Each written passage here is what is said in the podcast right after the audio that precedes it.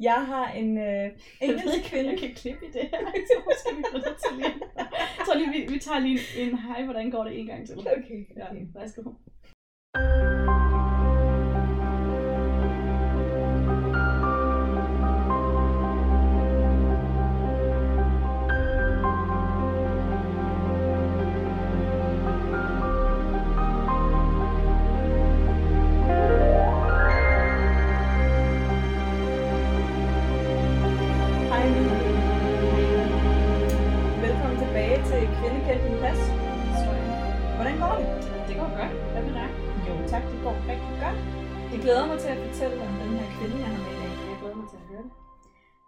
Du, hvilket kongehus jeg bedst kan lide?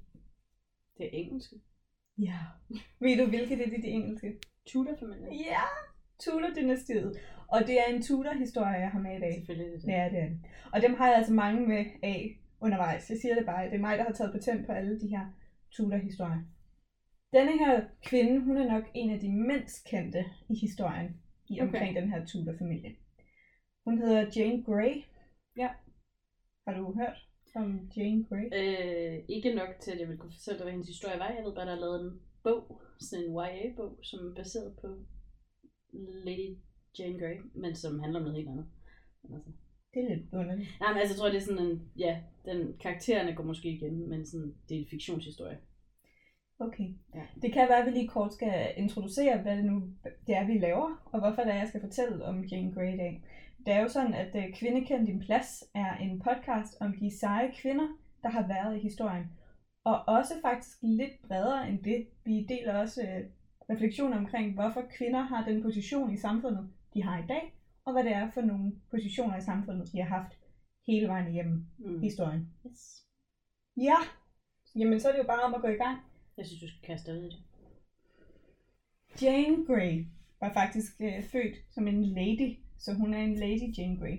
Hun er kendt for kun at have været dronning af England i ni dage. Cool. Så hvis ikke du ved, hvem hun er nu, så kommer du ikke til at vide, hvem hun er resten af. Jeg føler, hun er ligesom sådan, hvis man har købt noget i en butik, og så tænkt, nej, det vil jeg faktisk ikke alligevel. så Lad os, øh, lad os lige høre, hvad historien er, så kan vi tage den der analogi op igen og så Ja. se, holder den egentlig. Hun blev øh, født i oktober 1537 i Bradgate, Leicester i England. Hun var oldebarn til Henrik den 7. Hendes mor, Lady Frances Brandon, var datter til Mary, som er den yngste søster til Henrik den 8. Er du med så langt? Nej, jeg tror, jeg skal have sådan visuelt. have visuelt det er så stamtræ. stamtræ. Det vigtige er egentlig bare at vide, at hun på det her tidspunkt er den femte i tronrækken. Nå, okay. Ja. Altså, er, er, er på egen, egen, skulle jeg sige, egen frivillig, skulle, ikke, det var ikke mente, men altså sådan, Jeg tror ikke, det er specielt meget. af hendes, er hendes egen status, er hun nummer 5 i tronerne.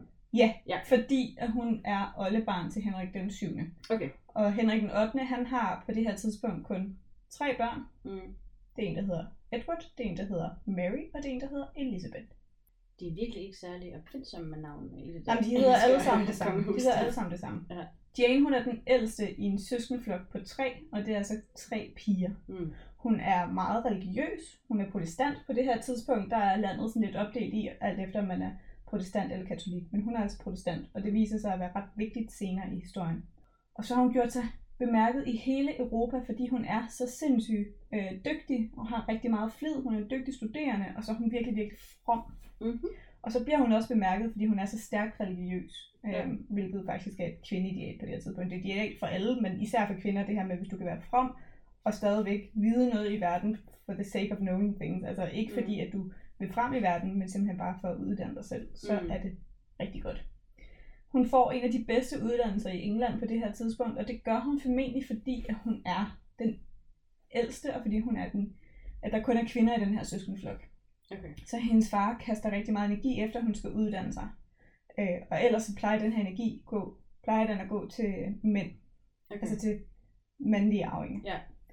Så hun er virkelig, virkelig øh, uddannet. Hun kan selvfølgelig tale engelsk, derudover kan hun også tale græsk, latin, hebraisk og fransk og italiensk. Så hun, øh, hun har virkelig styr på det. Og som 9-årig, der bliver hun sendt til en, der hedder Catherine Parr, øh, hvor hun så skal bo og være i lære. okay. Catherine Parr, hun var dronning til Henrik den 8., da Henrik den 8. dør. Okay. Og da hun så øh, bliver enkedronning, der gifter hun sig med en Thomas Seymour, tror jeg han hed. Ham har jeg hørt. Ja, men det er også fordi, han er onkel til, til den næste konge.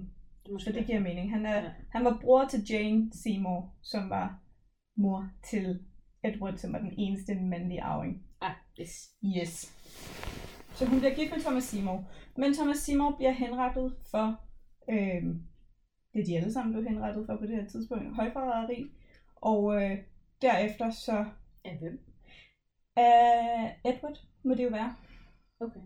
Ja, fordi, men altså, jeg ved faktisk ikke, om det er Edward, eller om det er nogle af Edwards rådgivere, fordi han bliver henrettet, fordi at han, der er nogle, går nogle teorier på, at han har været imod Edward, og har ville slå ham ihjel, og alle de her ting, og samtidig så har han vist nok også en affære med Elisabeth, Mm. som er prinsesse, og altså, der er bare nogle forskellige ting, der gør, at han bliver altså henrettet. Og jeg tror faktisk, at, øhm, at Catherine Parr allerede er død på det her tidspunkt. Det er hun også. Hun dør i 1948 i øh, barselssengen. I 1948. Nej, det kan ikke passe. I 1548. Okay, godt nok. Tak fordi du lige var vågen. I Ja. 1548 dør hun i barselssengen. Og der bliver Jane så overført til Thomas Seymour, som jo er hendes, altså manden i det hus, hus hun har boet i. Mm. Og der bliver hun overført sammen med Elisabeth, så hun har faktisk også gået, hun har fået den bedste uddannelse i England, og hun har blandt andet fået den med Elisabeth den første. Okay. Senere Elisabeth den første. Øh, men han dør så også, eller sådan bliver halshugget, Mhm. mm. og så tager hun hjem igen til sine forældre. Ja. Så det var lige en lille detur. Men det er bare lige for at sige, at hun har altså modtaget en bedre uddannelse end både Elisabeth og Mary, de, den, de første af England. Så hun har det ret godt på den her måde. Og så er det sådan, nu bliver det lidt forvirrende. Henrik den 8. han øh, dør, og han efterlader sig tre børn, som jeg nævnte. Han efterlader sig et, en drenge, en søn, og så efterlader han sig to piger. Og de her to piger er begge to på et tidspunkt i historien blevet erklæret for uægte børn, Mm-hmm. fordi at øh, Henrik han havde det med at ligesom udskifte sine koner lidt tit. Ja. Øhm, en af dem er jo Anne Boleyn, som vi har snakket om tidligere. Hun Ja. er mor til Elisabeth den første. Og den anden er så en, der hedder Catherine of Aragon. Hun er så mor til Mary den første. Mm-hmm. Og de bliver begge to øhm, erklæret bastarder, så det er sådan lidt svært med at vide, hvem skal egentlig arve tronen, hvis ikke Edward skal have den her trone. Ja. Og Edward han er et meget svageligt ungt menneske, da han overtager tronen. Okay. Og han er protestant.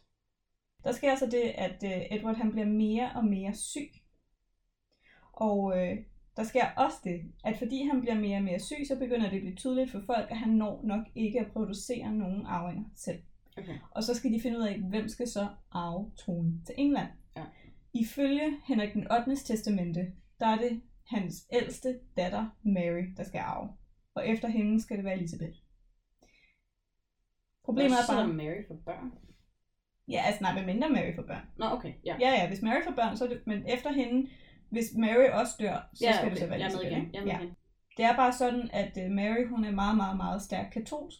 Mm. Og Edward, han er meget, meget stærk protestant. Okay. Det Så Edward har ikke lyst til, at det skal være Mary, der Ja. skal overtage tronen. Så han siger i stedet for, nej, det skal ikke være Mary, og det skal heller ikke være Elisabeth, fordi min grund til ikke at sætte Mary på tronen er den samme som ikke at sætte Elisabeth på Mm. tronen. Mm. Det er de begge to er bestarter. Mm. Så det skal være øhm, min kusine, eller det er jo sådan en grandkusine, tror jeg faktisk, det er tættere på at være, Jane Grey. Okay. Så han udnævner i første omgang Jane Greys øh, mandlige børn til at være arving til tronen. Okay. Jane er bare ikke gift på det her tidspunkt. Det var jo også et problem. Ja. Var hun gift, dengang hun fik børnene? Jane har ikke nogen børn. Nå, Hun har ikke nogen børn. Det er bare i fremtiden, Nå, så ja, skal det okay. være Janes fremtidige Yes. mandlige børn, der skal overtage tronen. okay.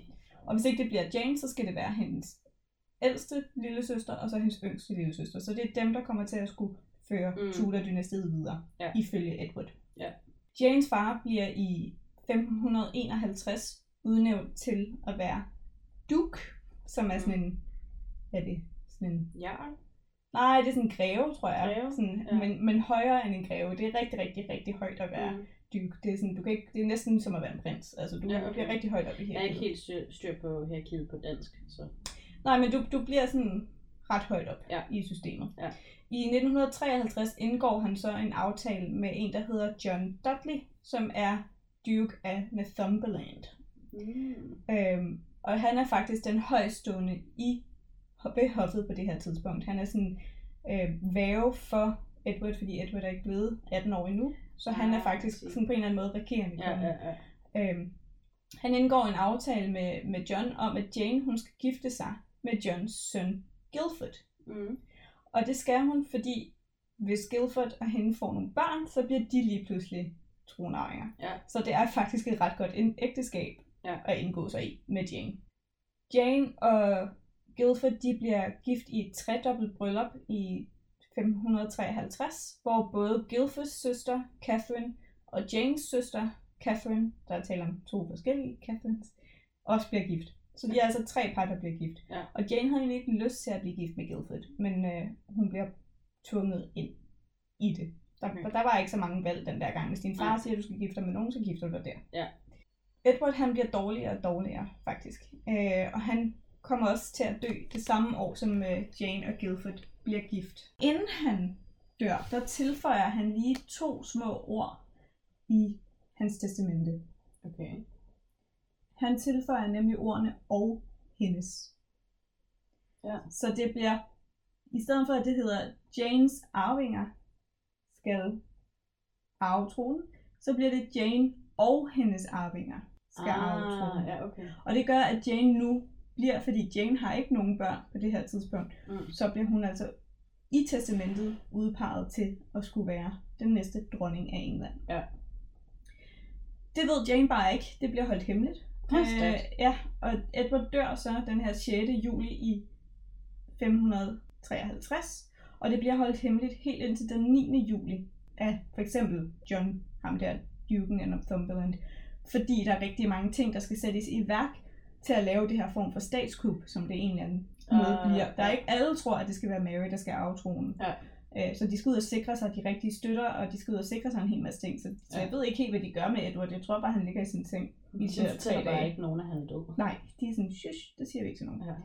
Mary finder alligevel ud af, at Edward er død, fordi rygterne går jo nok lidt alligevel. Mm. Og hun skriver til en, øh, en lord, som hedder Hastings, Mm. øh, og erklærer sig selv for dronning på det her, i det her brev, hun sender til ham. Og det Ja. gør hun den 9. juli.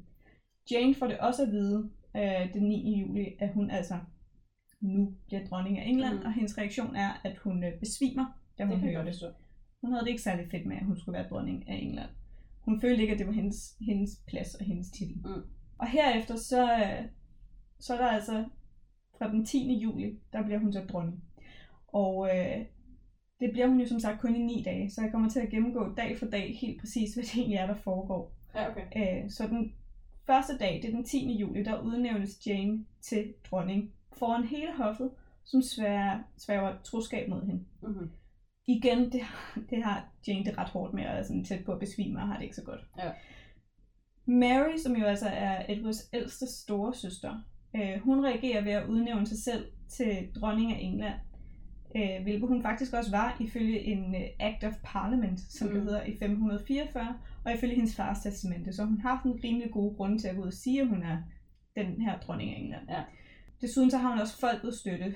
Folket har det ikke særlig fedt med, det er sådan en random person, der lige kommer ind for højre. Jane Ja. har aldrig været en offentlig person, så de ved simpelthen ikke rigtigt, hvem er hende her Jane, der lige pludselig skal Mm. være vores dronning. Det har de det ikke så fedt med. Derudover så var John også, altså ham der Duke of Northumberland, som egentlig står bag alt det her på Mm. rigtig mange punkter. Han er øhm, meget, meget, meget upopulær hos folket, fordi der har været et folkeoprør i 1549, hvor at han har stået for at skulle slå det her folkeoprør ned. Mm. Og på det her tidspunkt, der har man ikke en hær. Man har ikke sådan en national hær. Så Nej. hver gang man skal have krig, så skal man ud og erhverve sig soldater. Ja. Øhm, og det han så gør, det er, at han køber lejesoldater fra Tyskland og Frankrig til at slå det engelske folk ned. Okay, så så han, er ikke særlig, han er ikke særlig populær Nej. blandt folket. Det kan jeg godt forstå.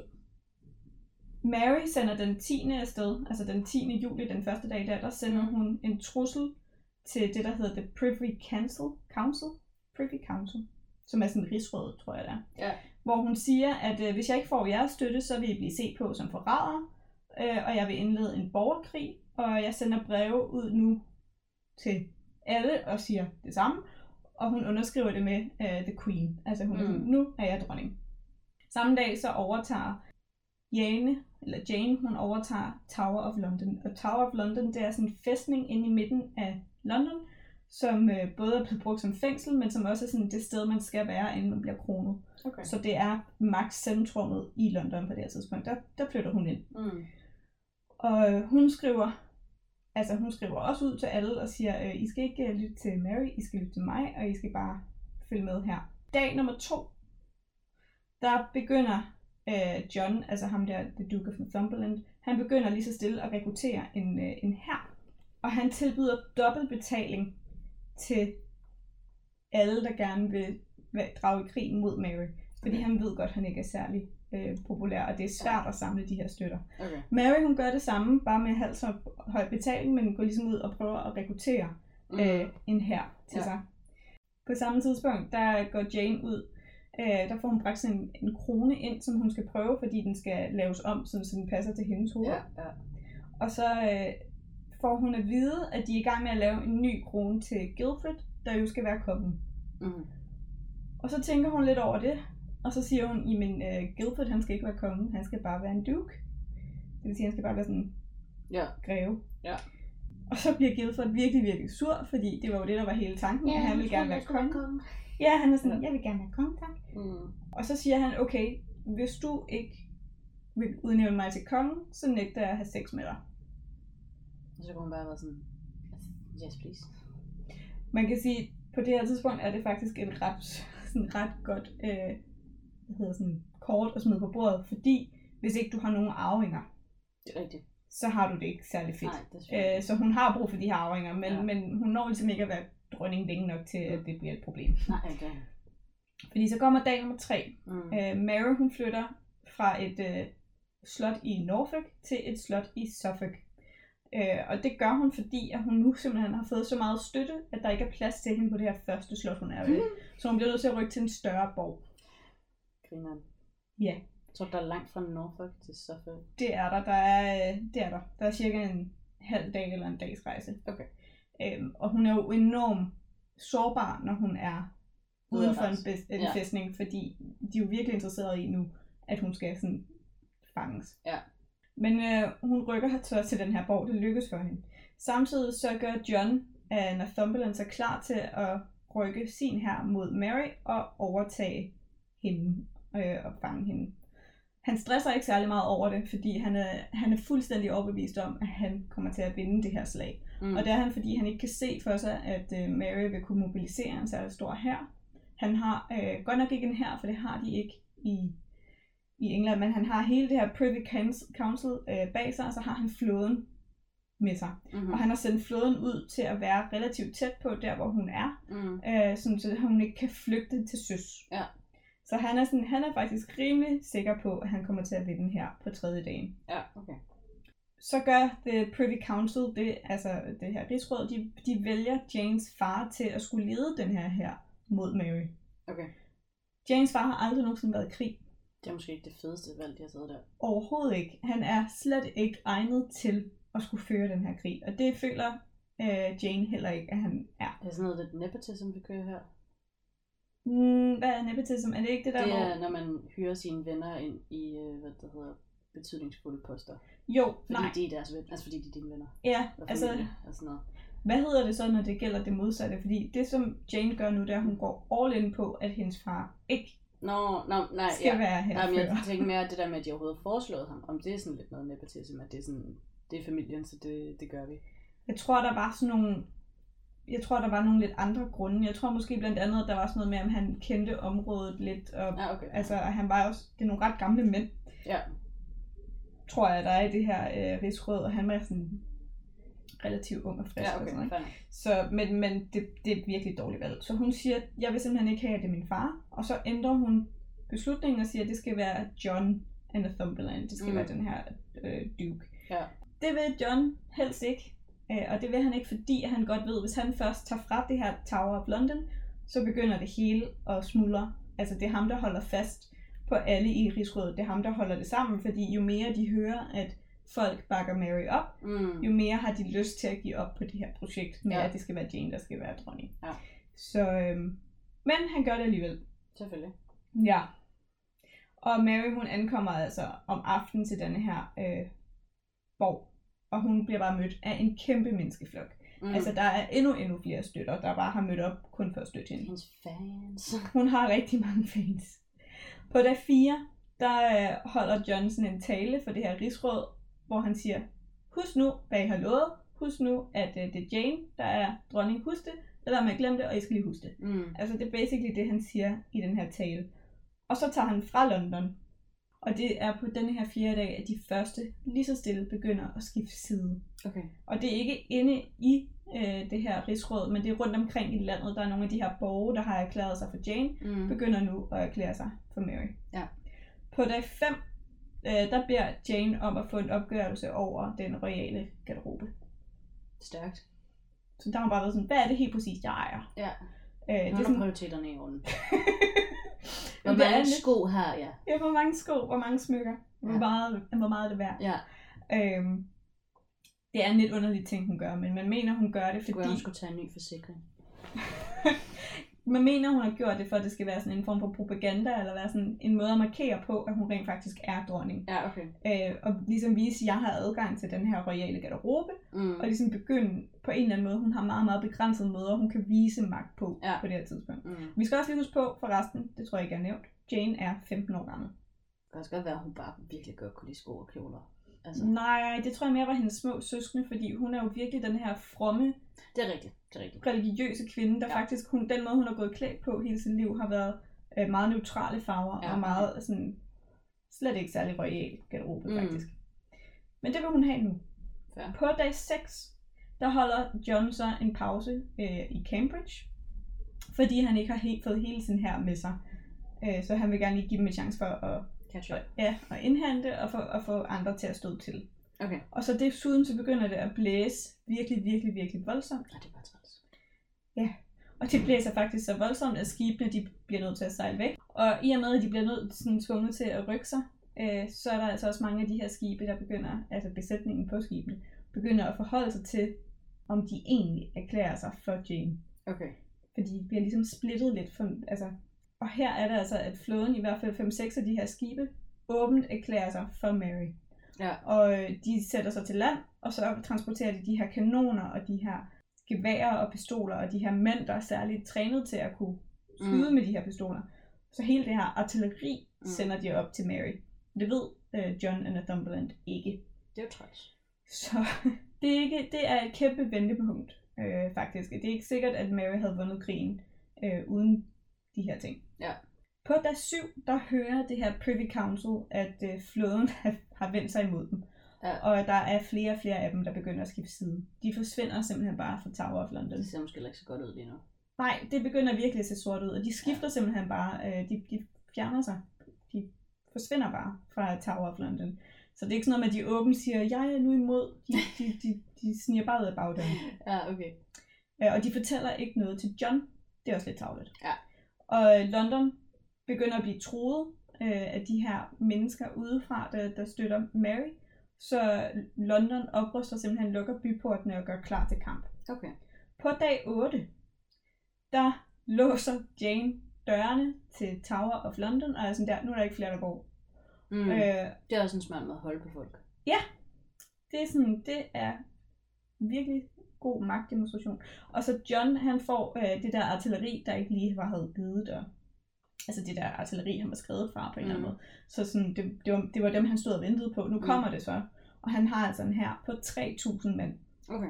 Og det er sådan, Det er pænt meget. det er pænt meget. Det er ikke vold, voldsomt mange. Mm. Mm. Øh, han mener nok, at Mary, hun måske har en her på sådan rigtig mange flere. Jeg tror faktisk, vi der er nogle tal, hvor det har været helt op på 10.000. Okay.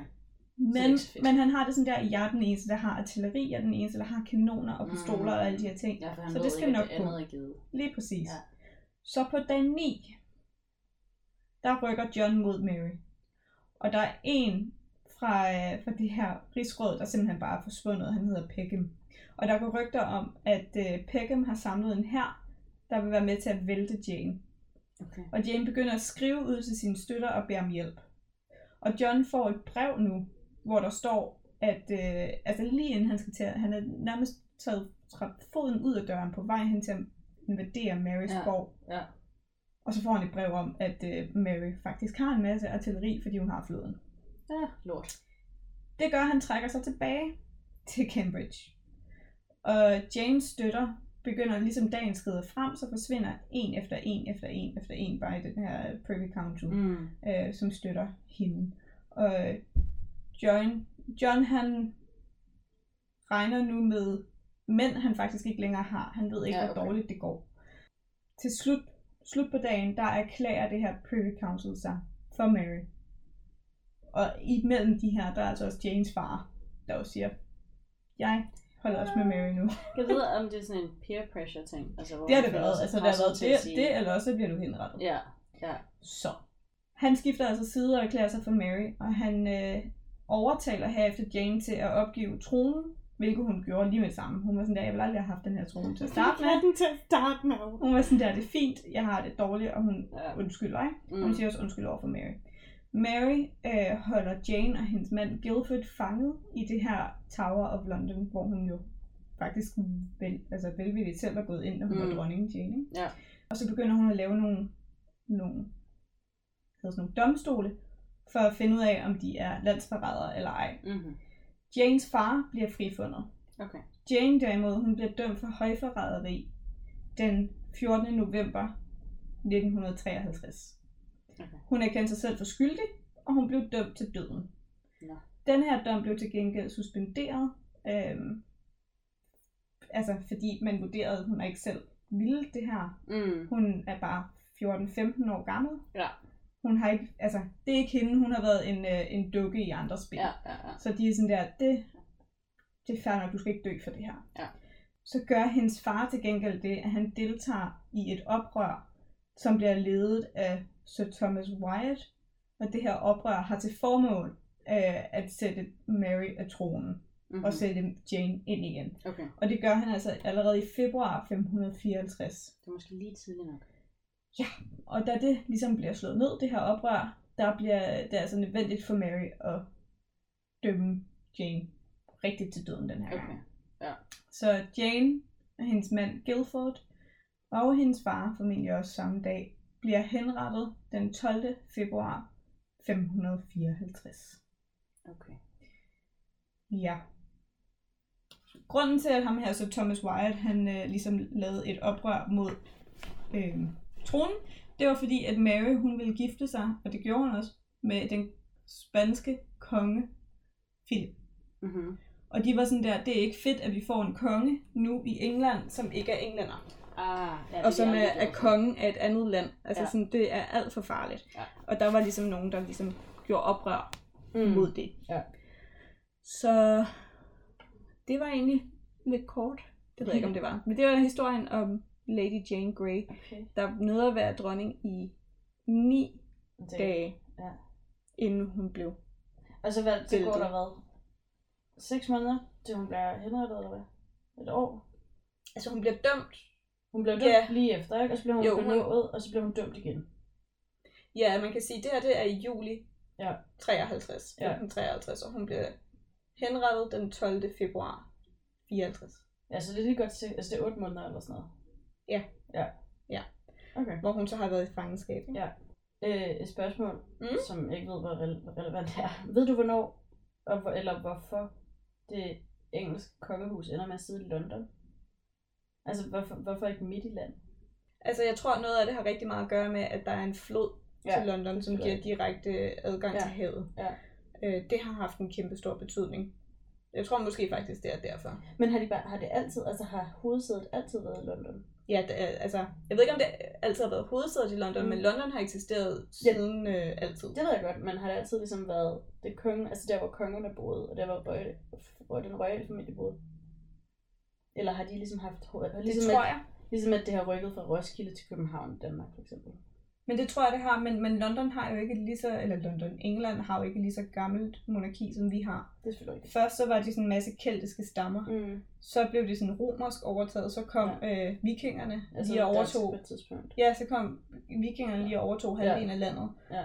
Så jeg tror egentlig, den første rigtige konge, de fik, det var Matildas, hende der, jeg fortalte om mm. på Mm. et tidspunkt, Matildas farfar eller sådan noget, oldefar, som var erobreren. Ja. Jeg tror, han hed Wilhelm Erobreren. Og han Okay, kom fra Frankrig og var sådan der, nu er det mit. Ja. Øhm, så, og det har været i 11, det har været omkring to- årtusind skiftet. Okay. Øhm, og jeg tror egentlig, at London, også fordi at på det her tidspunkt, London ligger jo ret lavt nede i England, Ja. på Englandsøen. Mm. Og i langt det største stykke tid, der havde man jo på en eller anden måde også overtaget over Nordfrankrig. Mm. Så det er ja. meget, en meget strategisk Så har fin placering. Ja. Ja. Okay. Ja. Men jeg synes, den er, den er en sjov historie om hende her, Lady Grey. Øh, fordi hun når jo ikke rigtig at gøre noget. Nej, hun Altså når sådan, lige at tage hun- en beslutning om, at Guildford skal i hvert fald ikke være konge. Nej, det er rigtigt. Det er sådan det, hun når. Ja, men hun når jo ikke, altså sådan, hun når ligesom ikke at gøre noget. Som, hun når vel knap nok at blive dronning. Altså Ja, ja, hun, hun- sidder jo derinde og venter på at blive kronet, ikke? Jo, hun bliver nemlig ikke kronet. Nej. Og derfor er hun teknisk set heller ikke øh, dronning af England. Mm. Ligesom Matilda. Matilda blev også udnævnt til at være dronning, og så blev hun det ikke alligevel. Ja. Øhm, så hun er faktisk den første dronning af England efter Matilda, men hun er ikke den første officielle dronning af England. Det er Mary. Ja. Det jeg synes, der er interessant, det er, at øh, det her det er et tidspunkt i historien, hvor at mænd, øh, altså helt almindelige mænd og adelsmænd og sådan noget, de har skulle vælge mellem to kvinder. Ja, det er rigtigt. Det vil sige, der er ikke noget valg. Det skal være en kvinde. Ja. Jamen, det skal være en kvinde. Der er ikke plads til Nej, nej, det du skal være smide en- en eller anden fyr. Nej. Ja. Så det er jo det her med, at det er interessant, at, og det er også interessant, at Mary, hun rykker ud så hurtigt. Mm. Det er interessant, hvor dygtig Mary egentlig har været til at samle Ja. folk omkring sig, og samle støtter Er det omkring hende, der sig. bliver kendt som Mary Scott? Nej. Okay. Det er det ikke, men det er hende, der bliver kendt for... Er det hende, der bliver kendt som Bloody Mary? Ja, Okay. og det gør hun, fordi at hun øh, har rigtig meget imod protestanter. Ja. Og Edward har jo ligesom nået at indføre rigtig mange Ja. protestantiske reformer, så Mm. halvdelen, hvis ikke mere af landet, er jo nu Mm. blevet protestanter. Ja. Og hun vil gerne vende om på det Men, og igen. det er også, men det er også hende som The Red Queen i Alice in Wonderland, i hvert fald de nye film, med, altså spillefilmene med rigtige mennesker, de er baseret på øh, Mary. Er de det? Ja, altså De er ikke hendes, baseret på Elisabeth? nej, hendes, øh, hele det der sådan off with his head and, og sådan noget, det er, det er baseret Er på det Mary? Ja. Ej, det det, er ikke sjovt. sjovt? det kunne også godt være Elisabeth, fordi Elisabeth, hun, der sker det, at øh, Mary, hun dør Mm. Ikke alt for lang tid efter, hun overtager tronen. Og så bliver Elisabeth dronning. Ja. Og da Elisabeth bliver dronning, Elisabeth gør jo det smart, at hun aldrig nogensinde gifter sig. Og det er Mm. det, der gør, at hun kan holde på magten. Ja. Men det gør også bare, at der er et meget, meget intenst pres på, at hun skal udvælge sig en arving. Ja. Og det er der hele hendes liv igennem. Og en af de her arvinger, eller to af de her arvinger, det er Janes to søstre. Mm. Det er enten dem eller i Skotland. Det er Ja. sådan, og så skifter hun sådan lidt mellem, hvem hun har. Og enten så er de her søstre helt inde i varmen, og er sådan de tætteste og højst op i, mm. i hoffet, Ja. eller også er de husarrest ude på landet. Ja. Så det har været sådan, og der har været, Er hun, der er lidt... Øh... det har været virkelig, virkelig svært at navigere Ja. i. Men jeg er ret sikker på, at sådan, i den, altså den, som er den, som Disney producerede for 10 år siden, eller hvornår den er fra, Mm. der er, er Helen Bonham Carters øh, The Red Queen. Den, den er baseret på Mary, Bloody Mary. Altså vi skal også huske på, at øh, Jane, hun er blevet virkelig, virkelig kendt. Jeg tror, hun blev kendt, var det i 1800-tallet, så hun virkelig fik sådan en rise igen. Ja. Øh, og er blevet kendt igen, fordi rigtig mange sympatiserer med det her uskyldige lam, der bare bliver slagtet. Ja. øh, unødigt af den Ja. her brutale anden kvinde. Eller sådan. Hun er ligesom et, et symbol på uskyldighed for Ja. rigtig mange. Det var hun jo i princippet også, for hun ville jo ikke være der. Nej, Altså, hun havde ikke lyst til at være dronning. Hun var sådan, nej Hun tak. var sådan, øh, det er fint. Og så var det som om, at hun efter har jeg læst mig til, at hun siger, jamen jeg vil ikke være dronning. Og så er det som om, hun tager sig sammen, og så er hun sådan der, hvis jeg skal, altså jeg har ikke lyst til at være dronning. Så når jeg bliver dronning nu, så er det fordi, det er Guds valg. Mm. Og det er fordi, Gud har en mening med, at en protestantisk dronning skal til. Ja, okay. Skal, altså, så hun, Altså, får, ligesom hun finder hun sådan en Gud i, med det. hun finder sådan en ret hurtig Gud. Ja, ja På de men hun var jo også from. Så. Ja. Men så hun skal, skynde, hun skal også skynde sig at nå at finde Gud på ni dage, fordi... Ja. Altså, Men, øhm, men jeg har lige en sidste ting, jeg gerne vil tilføje, ja. Som også er lidt interessant. Har du læst, det ved jeg nemlig, rigtig mange har, jeg har også, har du læst Shakespeare? noget Shakespeare. Jeg har læst Shakespeare i gymnasiet, Mm. øhm, fordi jeg havde engelsk på A-niveau, så Ja. jeg skulle læse øh, Shakespeare. Mm. Øhm, Shakespeare han lever på samme tid, som Elisabeth lever. Ja. Elisabeth den første. Mm. Og jeg kan ikke helt huske, hvornår Shakespeare lever, men jeg tror måske også, han har levet, mens Jane har levet. Det kan man i hvert fald godt forestille sig.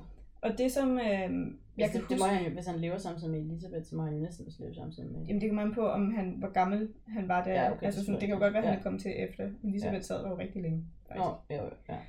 Men det som øh, jeg kan huske, vi skulle analysere de her tekster ud fra, Mm. for eksempel sådan noget som Macbeth, eller øh, Romeo og Julie, eller Hamlet. Vi skulle analysere det ud fra det samtidssyn, der var Mm. på den her tid. Ja. Og der er den her, der hedder, øh, åh, hedder den The Chain of Being, eller sådan noget. Ja. Øh, kæden af væren. Og det vil sige, der var en meget, meget fundamental tro, ligesom vi i dag tror på, at videnskaben er rigtig. Mm. Altså vi tror på, jamen, du bliver syg på denne her måde, altså du bliver syg ved, at der er nogle virus eller nogle vira, og mm. altså sådan, på samme måde, så var der sådan en, en fundamental tro i mennesker på, hvor at alle var placeret i et hierarkisk guddommeligt system. Ja. Og øverst var Gud, næst øverst var englene, så kom øh, kongen, Mm. så kom dronningen, Mm. så kom øh, royale mennesker, så kom øh, rige mennesker, så kom mindre rige mennesker, og så videre, så videre, så videre, Mm. helt ned til sten og, Mm. og, og tøj, Ja. og så videre. Og kvinder har jo været enormt fastlåste ind i det her hierarkiske system. Mm. Så det har været enormt svært for de her mennesker, da Jane faktisk sagde, Guildford skal ikke være konge. Mm. Altså det har fuldstændig kortsluttet dem oven i hovedet. Ja. Fordi der er ikke noget, der hedder, at dronningen er over kongen. Det er Mm. vende fuldstændig op og ned på hele den her guddommelige orden. Ja. Den her guddommelige hierarkiske opbygning. Ja. Så det, at hun overhovedet kan tænke den tanke, Ja. at hendes mand, som jo er over hende, ikke skal være konge, Mm. det var fuldstændig kortsluttende. Ja. Det blev også en rigtig stor udfordring, ved jeg, for Mary i sit ægteskab med Philip, men det hjælper jo så, at Philip er konge for et andet land. Ja. Og jeg tror også, det har været derfor, at Elisabeth har valgt at sige, selvfølgelig skal jeg gifte mig, mm. Og aldrig gjorde det. Mm. Fordi hun vil ikke afvise, at hun skulle gifte sig, Ja. fordi det vil også være unaturligt. Mm. Men hun vælger ikke at gøre det, fordi hun ved. Ja. at hun så bare ødelægger et system, der er så implementeret i mennesker, Ja. hvis hun så vælger at fastholde sin Sin egen ret. Ja. ja. Ja, og fun fact, øh, altså Janes mor levede jo faktisk på det her tidspunkt, hvor Jane lever. Ja. Og Janes mor havde en større ret til at overtage tronen, end Jane havde. Men hun bliver ikke udnævnt til at være arving. Mm. Hun er nummer 4 i tronrækken, Ja. ja. ikke nummer 5. Men hun bliver ikke udnævnt til at være arving, fordi hun er for gammel til at få børn. Okay, Så- men hun har jo børn. Hun har børn, men der er jo ikke nogen, der bliver mandlige børn. Ja, det er selvfølgelig ikke. Så de vælger simpelthen bare at springe hende over. De er sådan Ej, der, sjovt. dit potentiale er Ja. stoppet. Det havde hun det også bittert med. Det kan jeg sgu godt forstå. Det, altså sådan, det gør man jo stadig lidt i dag, men, men altså ikke på, ikke på noget. Men der er jo altså sådan, kvinders udløbsdato er jo væsentligt før mænds udløbsdato.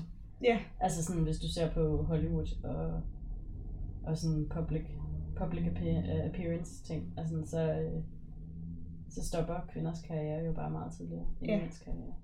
Men jeg synes, det er interessant. Jeg synes faktisk, det er virkelig interessant det der med, hvordan kvindesynet var dengang. Mm. Og også tænke lidt over, hvor meget af det, altså, hvor meget af det findes egentlig i dag. Ja, Hele den her, det har været en fuldstændig fasttømret. Alt i universet har sin plads. ja, Og det er Gud, der har givet, altså det er urokkeligt, det er en guddommelig plads. Ja. Og du kan ikke rykke ved det, og hvis du rykker ved det, det er derfor, at uh, Shakespeares tekster er så utrolig stærke. mm. Det er fordi, i næsten alle hans tekster går han ind og rykker ved det. Ja. Og hver gang han rykker ved det, så bliver der kaos i det her Mm. kosmos. Ja. Og så går det ligesom ud på at få oprettet orden i det her kaos. Ja. Øh, og det gør han i, i stort set alt det, han skriver, og det er også derfor, det er så stærkt på Mm. den her tid. Ja. Øhm, og jeg synes, det er lidt interessant. Selvfølgelig er vi ikke lige så fastlåst i de her positioner. Men hvor meget af denne her chain of being har vi egentlig stadigvæk i dag? Det synes jeg er lidt interessant. Og det tror jeg, at vi har. Altså, ellers så ville du jo ikke have diskrimination baseret på køn og farve og seksualitet og sådan noget. Altså, det, der har du har jo stadigvæk en eller anden idé om, at, eller altså, nogle mennesker har en eller anden idé om, at der er en, en, et hierarki, hvor de er øverst. Men også bare sådan noget med, at vi ser menneskeliv som værende mere værd end dyreliv. Vi Ja, ja, siger dyreliv som er Ja. mere værd end planteliv. Ja. Altså, det er en tanke, der stammer helt tilbage fra den gang. Den der måde Ja. med, at alt var placeret. Ja, så er det vel noget også omkring det der med at være et, bevidst, altså et bevidst væsen, ikke? Altså sådan en sentient being. Jo. Øh, altså at man vurderer noget, der har en bevidsthed højere end noget, der ikke har. Og så har man jo ikke kunne se, at planter havde bevidstheder før for nylig. Altså man har først for nylig, man fundet ud af, at de kommunikerer, og de... Altså... Ja, også ligesom Men de var stadigvæk højere placeret i den her chain of being, end, end sten for eksempel var. Så man vidste godt, de var Men det tror live. jeg også, det er i dag. Altså sådan sten. Ja, ja. Også, jo, jo, men det kan du jo se. Du kan jo se, de gror. Så det er, ret, det er jo ret let at se, at de er i live. Men spørgsmålet er, om de er bevidste. Ja. Ja. Øhm, og det har man jo ikke kunne se, at de var. Det har man sådan bedre kunne se på dyr, at de var bevidste, fordi de havde reaktioner. Ja. Så derfor, altså jeg tror, det er derfor, at de for eksempel er højere op end planter, og så mennesket er så højere op, fordi at for det første er det os selv, og så kunne vi snakke sammen, og vi kunne skabe ting, og vi kunne slå dyrene ihjel, og sådan Ja. ting, ikke? Altså sådan, Altså jeg siger ikke, der ikke er noget resonemang i det. Jeg siger Nej, bare, at den her måde at tænke i, at vi har en plads, ja. og at noget liv er mere værd end andet liv. Mm, Øh, og at vigtigheden af dit liv bare ikke er lige så vigtigt som... Altså, Ja, at en mands liv faktisk er vigtigere end en kvindes liv, det ved ja. jeg godt, vi er gået lidt væk fra i dag, men spørgsmålet er, hvor meget vi er gået væk fra, at kvinder er placeret under manden. Jamen, tror, jeg, stadig, altså, jeg tror stadigvæk, der er det der hierarki, som Ja. ja. mange mennesker falder ind under, uanset om det er bevidst eller ubevidst. Mm. Og det er også derfor, at Jane er enormt vigtig for historien, mm. fordi hun har været med til at rykke ved Ja, det her meget, meget fasttømrede hierarki. Altså, eller i hvert fald gør det, altså tydeliggør det. Hun har været med til at rykke en lille bit smule. Mary har været med til at rykke lidt mere, mm. Mm. og så har Elisabeth den første nok været den, der har rykket mest ved det. Ja. ikke? Men ja. Mega spændende. Det var Ja. lige Jane. Ja. Lady Jane Grey. Jeg synes Queen altid, Jane. det er så sjovt, når du tager Tudor-familien med, fordi du fordi det er en interesse, du har. Så der, du, du ved altid sådan nogle små facts og Ja, historier, jeg er helt vild med anekdoter og sådan noget. Så, så det var bare super lækkert at høre. Ja, det er jeg glad for, du synes. Vi uh, håber, at du også har nydt at lytte med på den her episode. Forresten, ikke? så er der en, øh, en forfatter, der hedder Philippa Gregory, Mm. og hun har skrevet en bog, der hedder The Last Tudors, som handler lige præcis om den her tid og om Jane. Det er lige en anbefaling. Den Ja. havde jeg glemt. Anbefaling derud til. Philippa Gregory er en enormt spændende. Hun har også skrevet både om Anne Boleyn og om alle de der... Hun har skrevet om alle de kvinder i det dynasti, faktisk. Det er også derfor, jeg ved rigtig meget. Mm. Øhm, men hun skriver netop om kvinderne. Hun skriver historien ud fra deres synspunkt, og Ja. det gør den også ret spændende. Og så kan jeg også anbefale den dokumentar... Øh, ja, nu siger jeg dokumentarserie, det er fordi, der er tre afsnit. På YouTube, Mm. der hedder England's Forgotten Queen. Okay. Ja. Spændende. Det kan vi lige, uh, vi kan lige smide nogle links ud, så man kan huske dem der. Det er det, vi gør. Og øh, så må I gerne komme igen næste uge. Det håber vi, I gør. Ja. Og indtil da, så er kvinde kendt din plads. Historie. Tak for i bilen.